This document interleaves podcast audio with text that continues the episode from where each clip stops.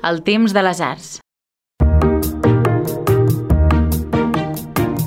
Hola, benvinguts a la tria setmanal del Temps de les Arts.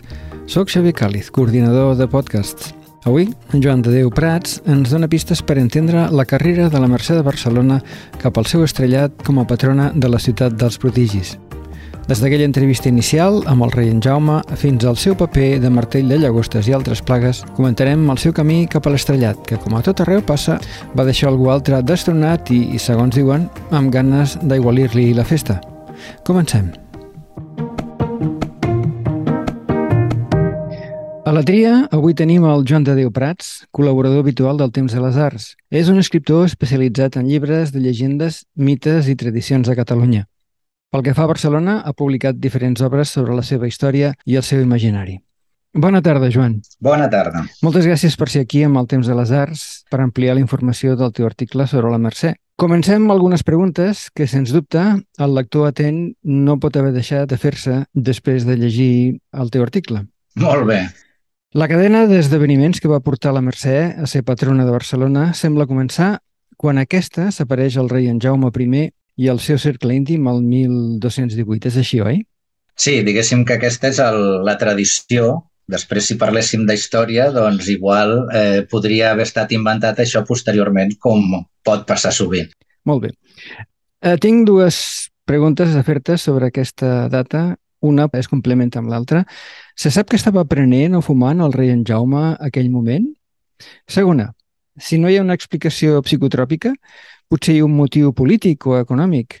Hem d'entendre que fundar una ordre era com actualment crear un departament a la Generalitat? S'ha d'entendre que la pirateria en aquella època era un mal eh, gairebé com de terrorisme. Eh? Milers de persones estaven al nord d'Àfrica esperant que algú les rescatés. Eh, la fórmula aquesta dels somnis doncs ara ens pot semblar extravagant, però en aquella època, amb l'entorn que hi havia, en aquella època es creia moltes coses extraordinàries i, per tant, era una bona manera d'intentar entroncar una, com tu dius, una mena de conselleria antipirates eh, que la gent ho veiés de ferm, no?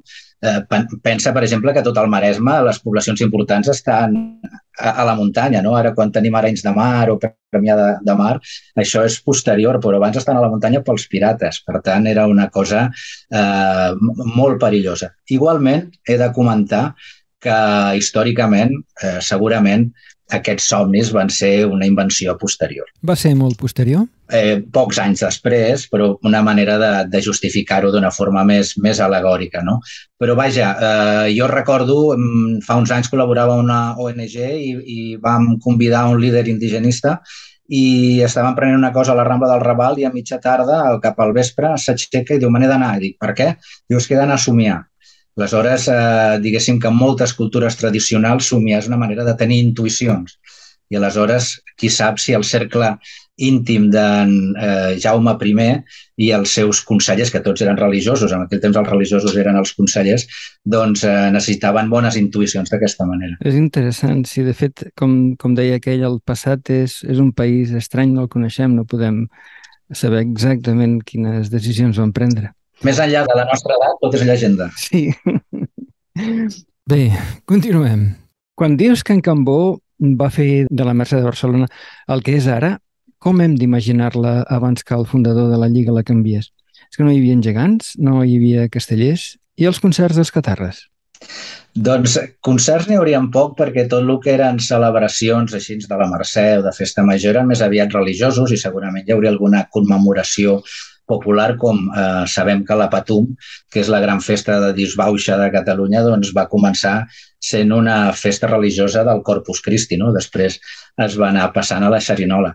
Aleshores, eh, fins al 1860 i escaig, el papa no diu que és oficialment la Mercè la patrona de Barcelona. Ho va ser abans a nivell local de Barcelona, però institucionalitzada religiosament fins al 1860 60 i escaig. I va ser Rius i Taulet el primer que va intentar fer com una festa major, perquè les festes majors eren les que ara continuem tenint a Gràcia o a Sant Andreu o aquests llocs, i eh, amb l'exposició universal, etc. Però no va ser fins a Can Bono eh, qui es va inventar, entre cometes, assessorat pels seus consellers, de fer la festa major com l'entenem ara, que vol dir portar la sardana de l'Empordà, no era la dansa nacional encara, i portar els castellers de Valls, que també era una cosa local. No? A partir d'aquí doncs es va dissenyar aquesta tradició i es van agafar els capgrossos i els gegants de l'edat mitjana recuperant-los. Però la festa major no va tenir tant èxit com té ara perquè hi havia gent molt conservadora que no volia que es folcloritzés tant i que volia tenir la verge com una cosa més religiosa. No? Llavors, fins al temps de la democràcia, de fet, no hem tingut una Mercè com la coneixem ara. Llavors, vols dir que en Cambó va inventar el concepte de festa major actual a Catalunya o es va inspirar en el que es feia en algun poble fora de Barcelona? Sí, es va inspirar en el que es feien en altres llocs i aleshores ell va portar elements diferents, com això que et deia dels castellers i, i les sardanes, i recuperar de l'edat mitjana i del segle XVI els capgrossos i els gegants, i va dissenyar segurament aconsellat pels seus consellers, ell seria el, el portaveu, i per tant és una, una festa major de disseny com la majoria de tradicions del nostre país. La majoria de tradicions nostres són del segle XIX, rescatant coses de l'edat mitjana. Durant, dius que durant la Guerra Civil es va fondre l'estàtua de la cúpula de la Mercè. Aquells anys eh, hi havia una mena de febre carbonitzadora del patrimoni religiós. Van continuar cremant el que hi havia sota de l'estàtua, com es va fer a la resta d'esglésies de Catalunya? Doncs sí, sí que es va cremar. Eh, pensa que la, la Mercè, la Basílica de la Mercè està al costat de Capitania General, on va arribar amb hidroavió doncs, el, el, el general que havia de dirigir aquí la revolta dels feixistes i, per tant, era un centre neuràlgic que finalment els anarquistes i la gent eh, de la causa democràtica va conquerir. I al costat estava la Mercè. No? Aleshores es va enderrocar l'estàtua per fer armament i si mireu per internet podeu veure tota l'església cremada. Fins i tot hi havia els bombers al costat assistint que no es cremessin altres esglésies. Vull dir que va ser una mica, entre cometes, institucionalitzat la crema de la Mercè, com tu deies, de moltes altres esglésies que van perdre un patrimoni increïble. Se sap qui va prendre la iniciativa de cremar l'església? Potser els anarquistes o també hi estaven implicats altra gent? En principi era, era gent que no estava escrita a, a ninguna organització, simplement hi havia una ànsia tan gran d'acabar amb els símbols relacionats amb l'estatus quo que hi havia, eh, es considerava a molta gent religiosa que estava vinculada amb les classes altes i va ser un simbolisme de destruir el, el, el món anterior i fer la revolució. No? Però mai va ser dirigit per ningú oficialment, però segurament els anarquistes que van ser els que van aconseguir eh, amb ajuda de la Guàrdia Civil, dels Mossos i de la policia d'aturar els feixistes, doncs eh, segurament hi hauria molta gent que es podia adscriure amb aquesta, amb aquesta ideologia. Bueno, passem una mica més endavant, deixem aquest episodi més aviat trist i ple de fum. Cap al final de l'article, compares l'estàtua de la Mercè amb una mantis religiosa, uh mhm. -huh. que és un insecte famós perquè la femella arrenca i devora el cap del mascle, mentre aquest, confiadament, la fecunda. Tenint en compte que tu ets un baró, no sembla una comparança particularment amable envers l'estàtua actual, i fins i tot poc devota. Vaig molt errat? Bé, no es tracta tant de rat o no rat, sinó que realment eh, la Mercè la tenim com a patrona perquè va ser una causa important, una superheroïna contra pirates i també contra una plaga bíblica, no? perquè de fet hem parlat del, de, de Cambó quan institucionalitza la Mercè com a festa major, però la gent del poble la tenia com a devoció perquè va acabar amb una plaga de llagosta que durava anys, venia de Lleida, venia d'Aragó, i que va haver com un foc espontani dintre de l'església que hi havia aleshores i la gent popular va creure que era la verge que estava lluitant contra, contra aquestes plagues. No? Però és ben insòlid que tu mires des del carrer Carabassa i veus l'església i veus l'escultura de la, de la Mercè molt bonica però si la mires des de la Barceloneta, doncs té una forma que sembla una mantis, no? I una mantis no només devora el cap dels mascles, sinó que també devora llagostes, no? Aleshores, sembla com que hi hagi una jugada aquí eh, igual divina, també. Ara s'entén, ara s'entén, ara has posat molt en perspectiva i, i t'acabes de descarregar d'aquesta possible culpa. Devoració. Això mateix. Bueno, per finalitzar, només un detall. Per informar els que, com jo, que no vivim a Barcelona i que han llegit fins al final el teu article, saps si aquest any ha plogut a la festa de qui va destronar Santa Eulàlia com a patrona? Sempre, sempre plou per aquestes dates i al final de l'article es desvella per què, però precisament on està l'església, la Basílica de la Mercè, abans era un hospital de Santa Eulàlia, que també és copatrona de, de la ciutat, i llavors sembla que hi havia un rifirrafe entre aquestes superdos heroïnes i d'alguna forma el fet de que plogui al setembre no és tant per qüestions meteorològiques, sinó per l'enrabiada Santa Eulàlia. Però al final de l'article ho expliquem perfectament qui vulgui mantenir el misteri. Doncs encoratgem a tots els oients que resolguin aquest petit enigma i que acabin de llegir l'article de Joan de Déu Prats i, Joan, moltes gràcies per la teva col·laboració i esperem que aviat puguem tenir una altra vegada. Moltes gràcies a vosaltres per la vostra consideració. Demanem als oients que no marxin encara, primer perquè tenim un consell i segon perquè després podran escoltar la locució de l'article de Joan de Déu Prats a càrrec de l'Isidre Sánchez. Fins ara.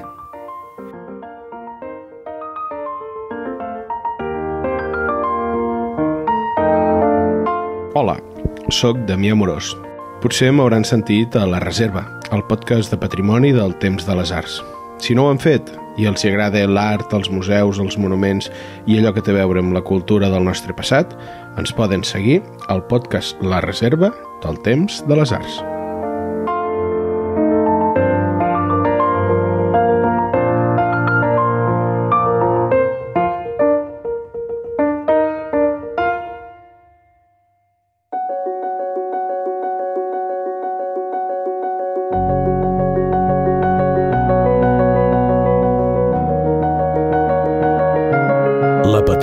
Barcelona. Per aconseguir ser patrona estelada a Barcelona, la Mercè va haver de transitar un camí ben llarg.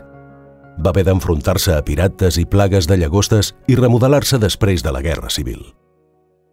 La llegenda diu que al setembre de 1218 la Mare de Déu es va aparèixer a Jaume I, a Sant Ramon de Penyafort, el seu confessor, i a Sant Pere Nolasc, al Saló del Tinell del Palau Reial, per demanar-los que creessin una ordre de frares que s'encarregués de salvar els cristians segrestats pels serraïns que després eren venuts al nord d'Àfrica.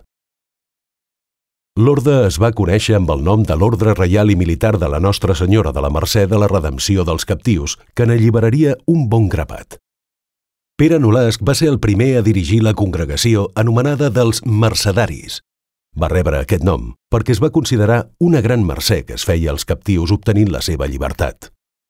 En aquelles èpoques i durant centúries després, la pirateria provocava veritables estralls a la costa catalana.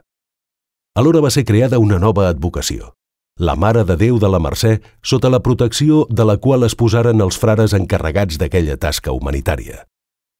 Segles més endavant, mentre regnava Carles II l'embruixat, va arribar a d'Aragó un gran eixam de llagostes que va devastar les terres de Lleida. La plaga va avançar cap a Tarragona, la plana de Vic i l'Empordà. Les cròniques de l'època expliquen que als conreus hi havia una catifa d'insectes de mig pam de gruix i quan les bestioles aixecaven el vol, tapaven la llum solar.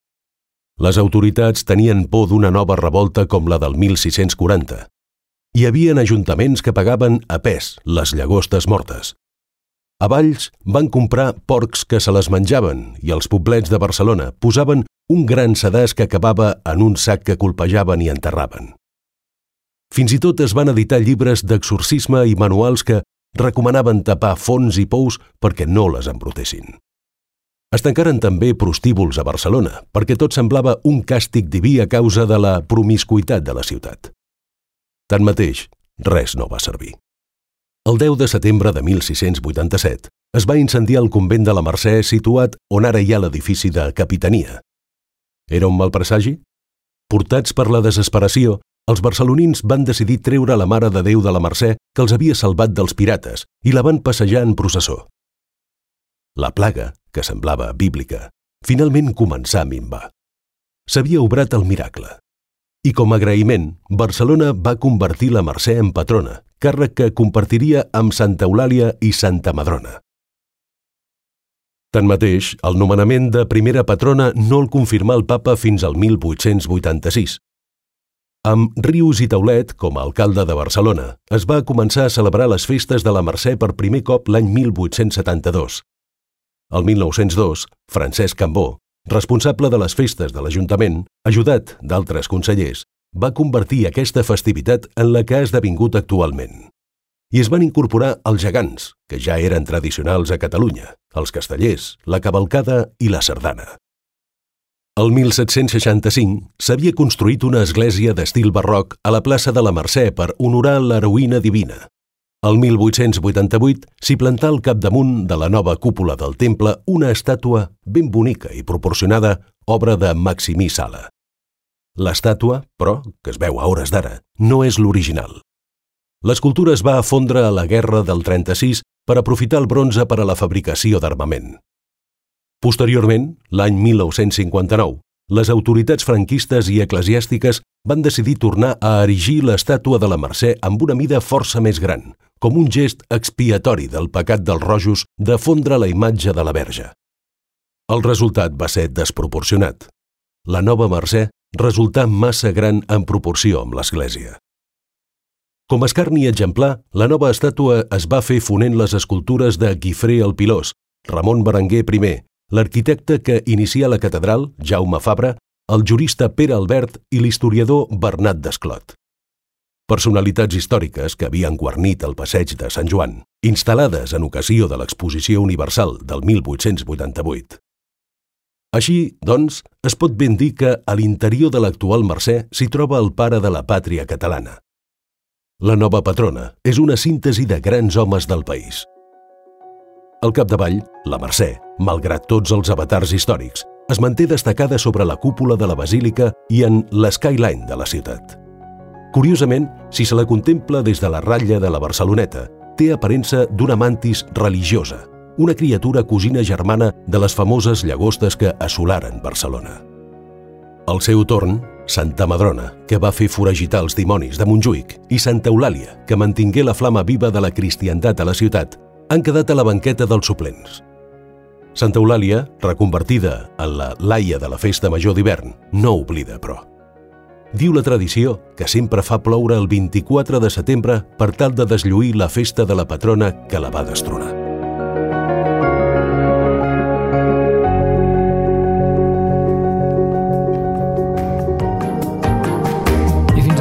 Arribat la tria setmanal. Si us ha agradat, us demanem que ho expliqueu a les xarxes socials, al Twitter, al Facebook, a l'Instagram, al Telegram. Alternativament, també podeu aprendre codi Morse i explicar lo contents que esteu escoltant el nostre programa a través de les canonades de la vostra finca. Moltes gràcies per escoltar-nos.